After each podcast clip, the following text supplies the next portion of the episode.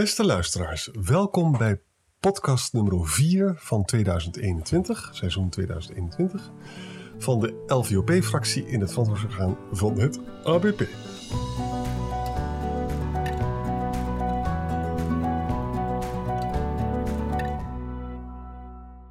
In 2021, zeggen wij niet zonder enige trots, hebben we een aantal zeer actuele onderwerpen in de podcastserie behandeld.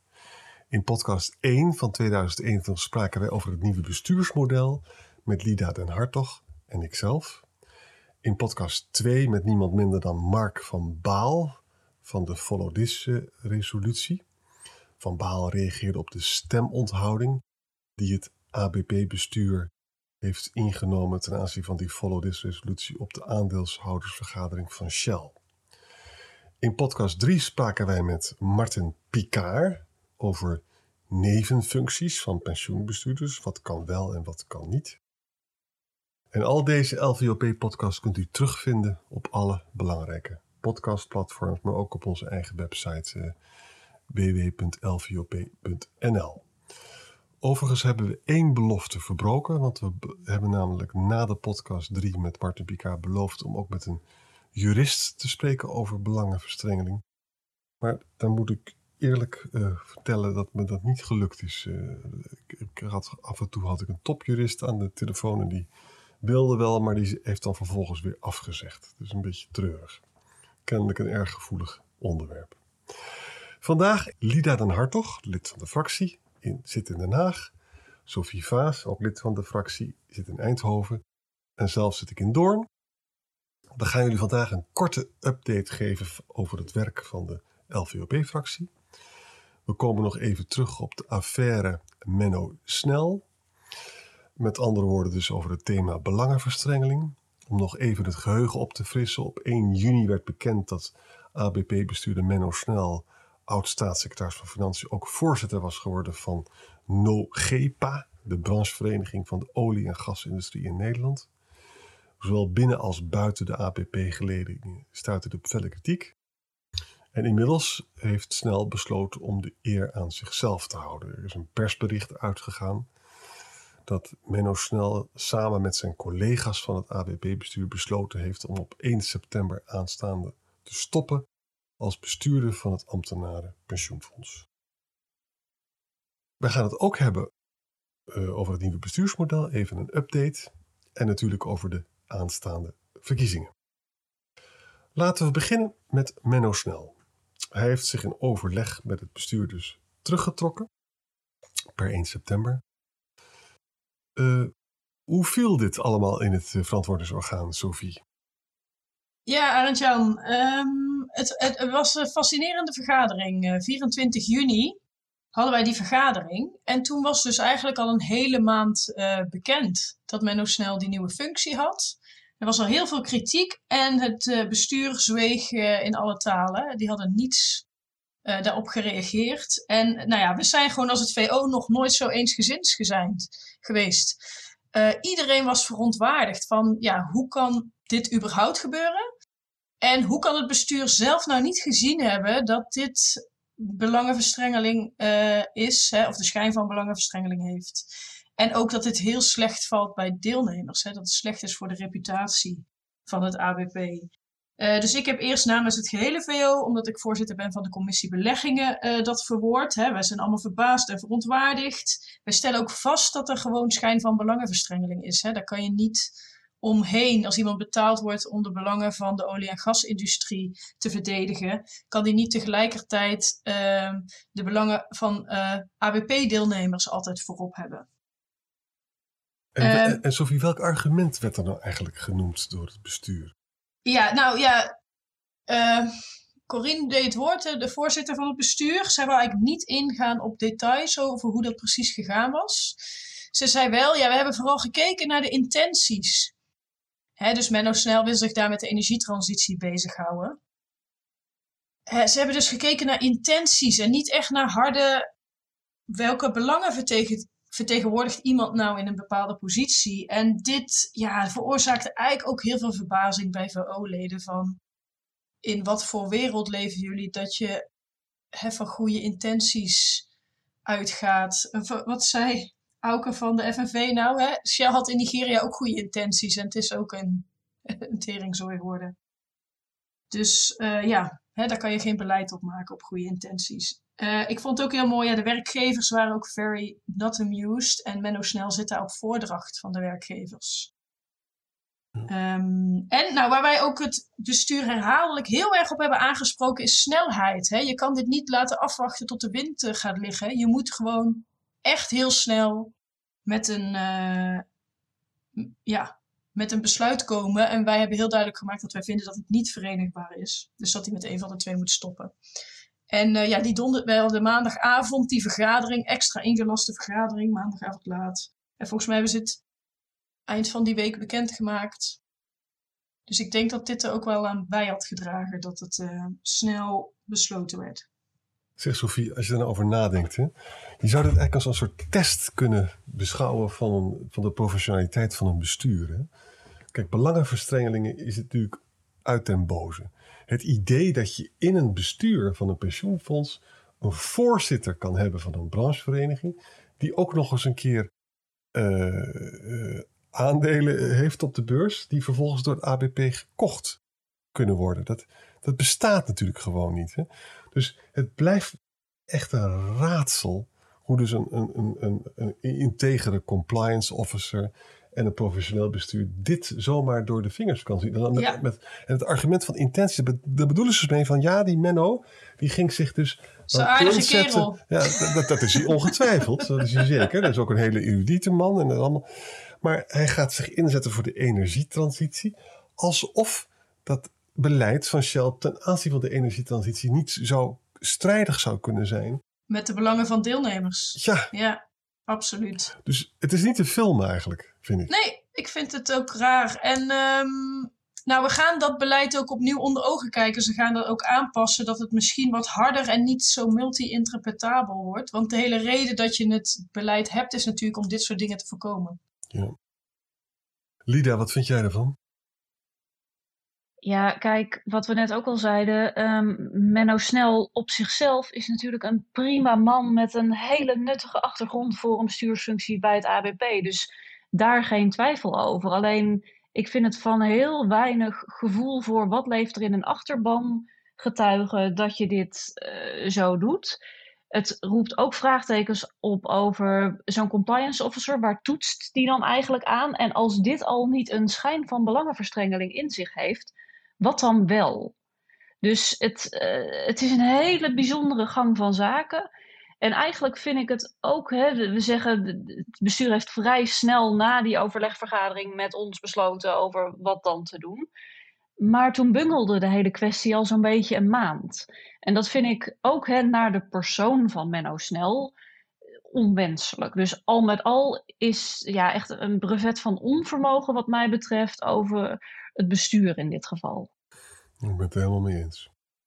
Dan gaan we door naar het bestuursmodel. We even moeten toch daar een update over geven. Dat is heel belangrijk. Daar zijn we dit jaar met elkaar over gaan praten. Hoe staat het nu, Lida, met dat beroemde omgekeerd gewerkt model? Laten we het eerst nog maar weer eventjes uitleggen wat het is. En daarna kan je vertellen hoe het ermee staat. Ja, even helemaal uh, terug in de eerste podcast van uh, dit jaar hebben we het een en ander verteld over bestuursmodellen in de pensioenbestuurwereld.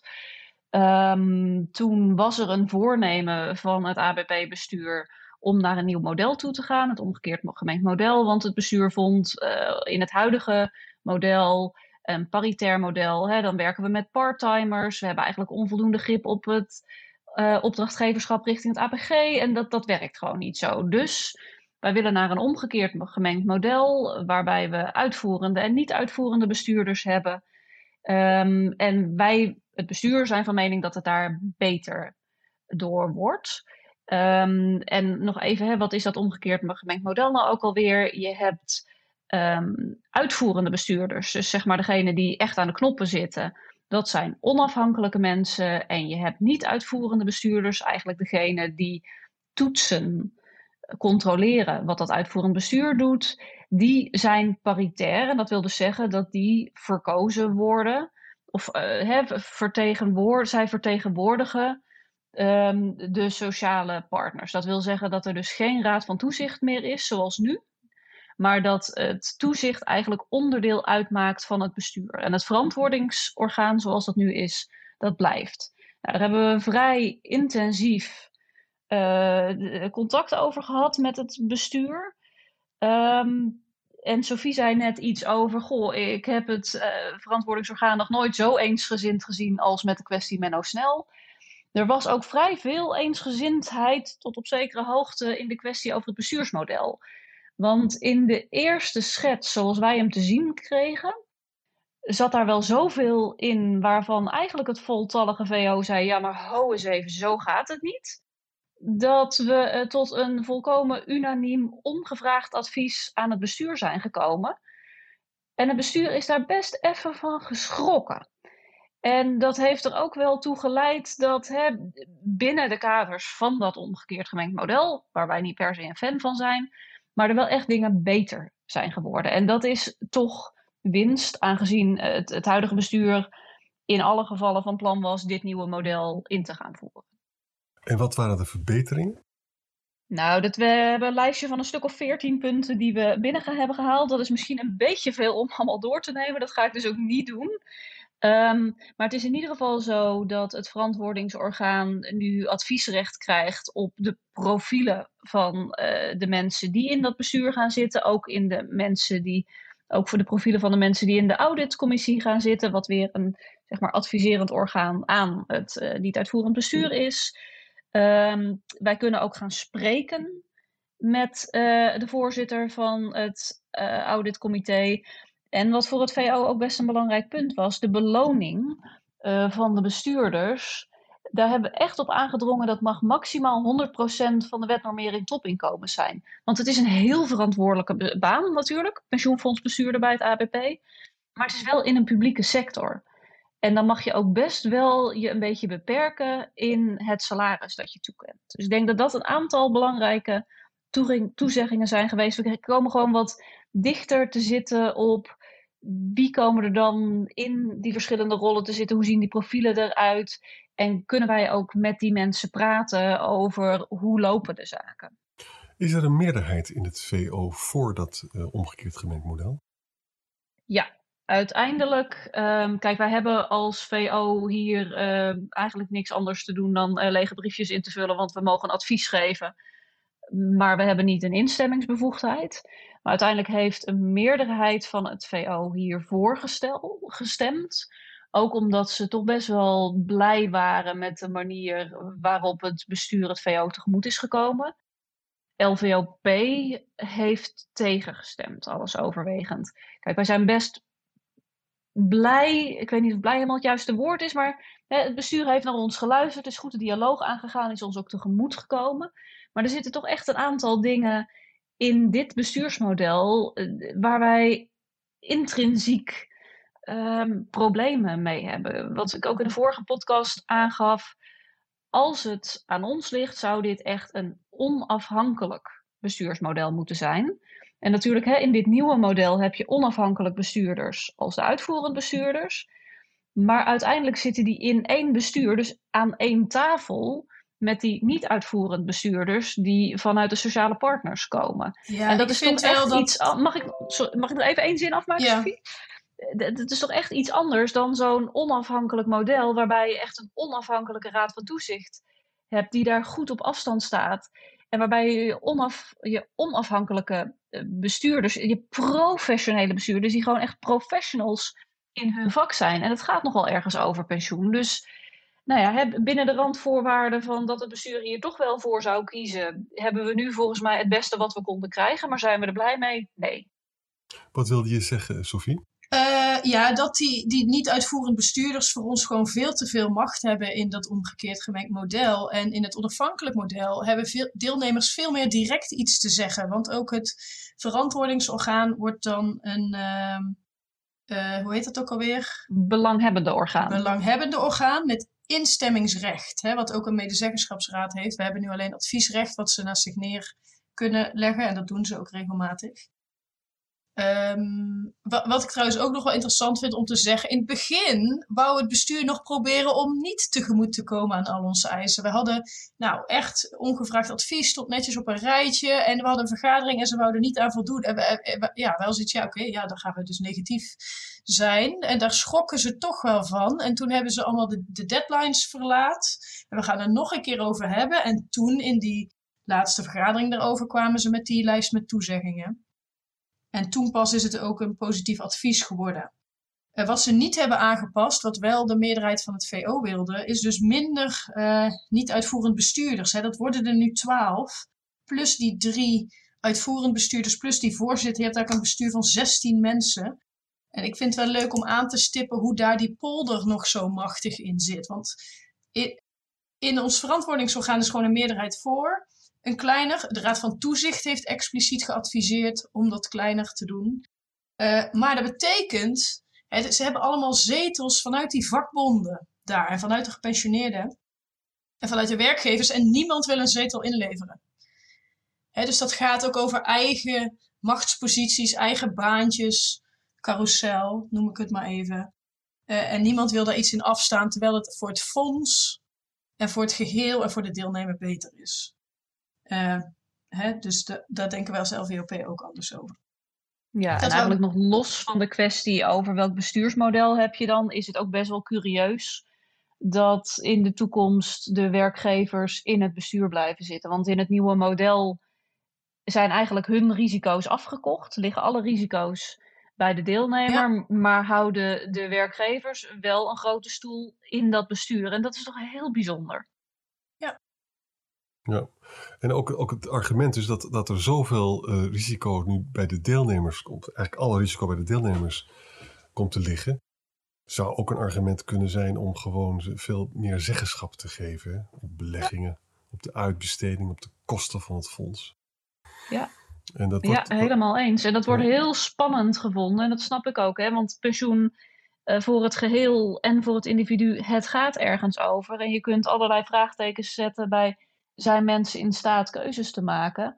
Maar als je wat heet een goede default hebt, dus de standaardoptie, ehm, en vervolgens de mensen die dat willen en die dat kunnen, de mogelijkheid geeft voor meer individuele keuzevrijheid, kom je veel meer tegemoet aan die individuele voorkeuren van een deelnemer. En in een bewegelijk pensioen, wat het nieuwe pensioencontract is, past dat goed. Om nog even de zaken met elkaar te verbinden, dus die, zeg maar de affaire snel, want dat is toch eigenlijk wel te verbinden met al die bestuursmodellen.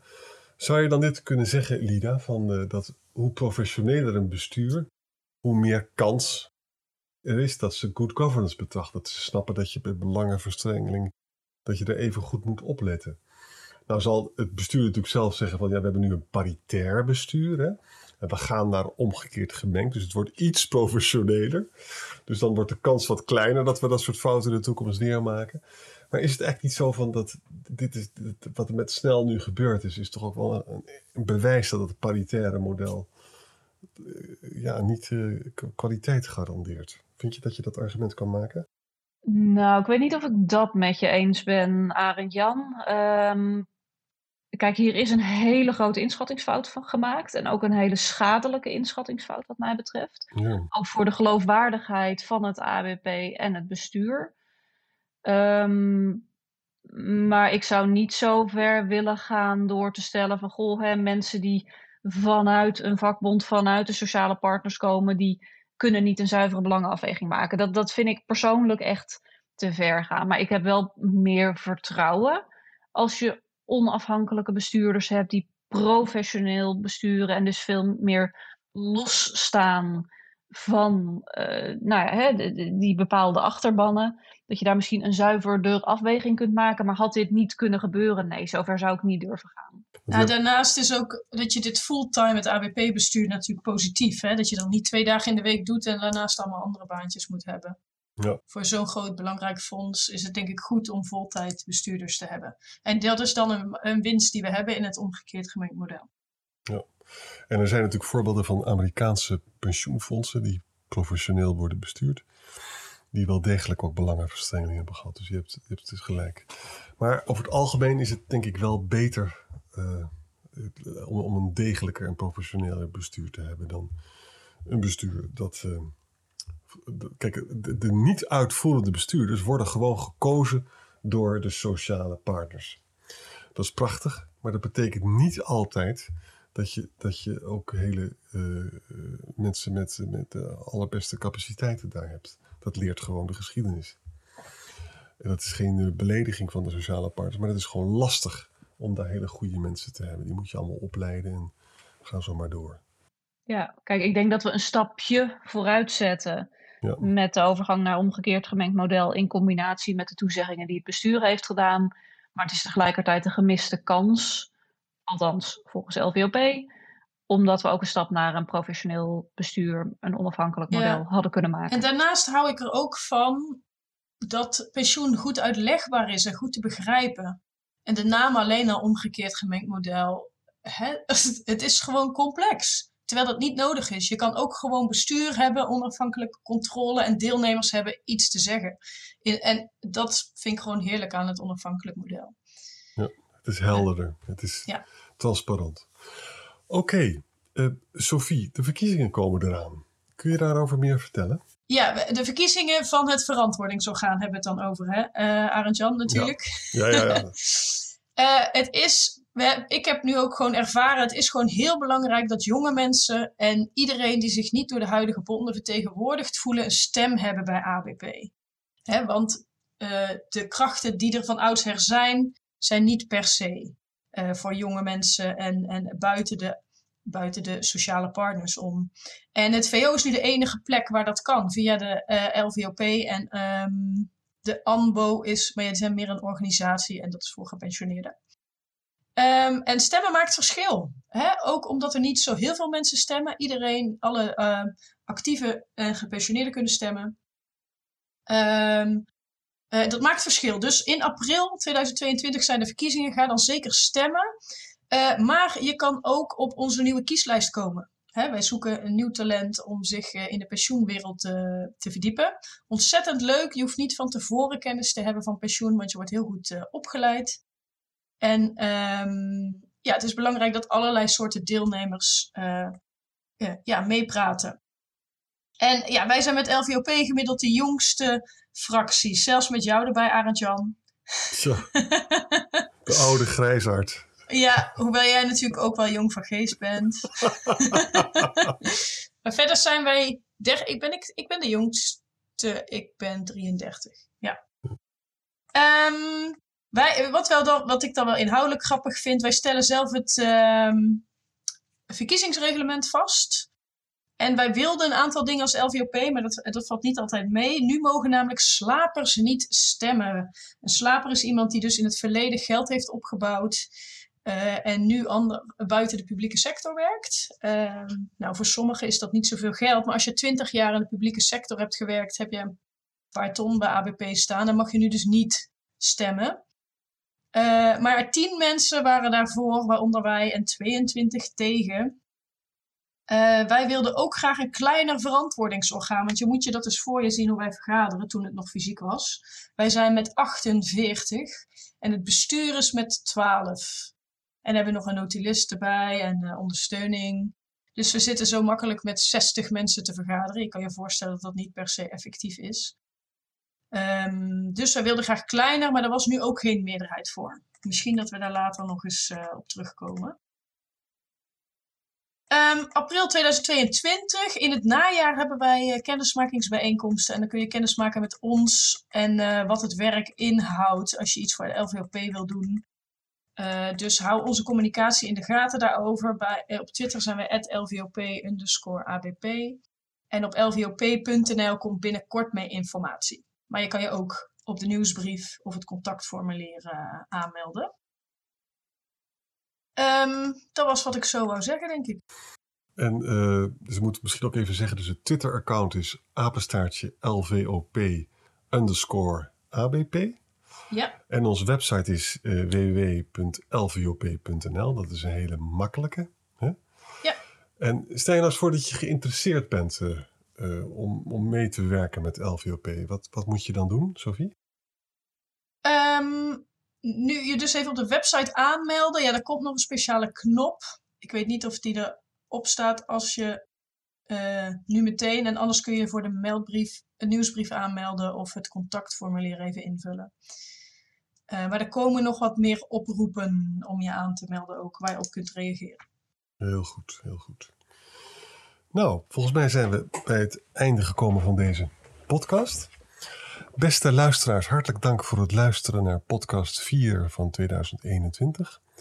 Mocht dit de eerste keer zijn dat u luistert, schroom dan niet om eerdere podcasts terug te luisteren. Ze bevatten een schat aan informatie. Ik dank eh, Sophie en Lida hartelijk voor hun inbreng en Maurits eh, voor zijn technische ondersteuning. En graag ontmoeten we elkaar weer bij de volgende podcast en die zal vermoedelijk in de herfst uh, plaatsvinden. Tot de volgende keer.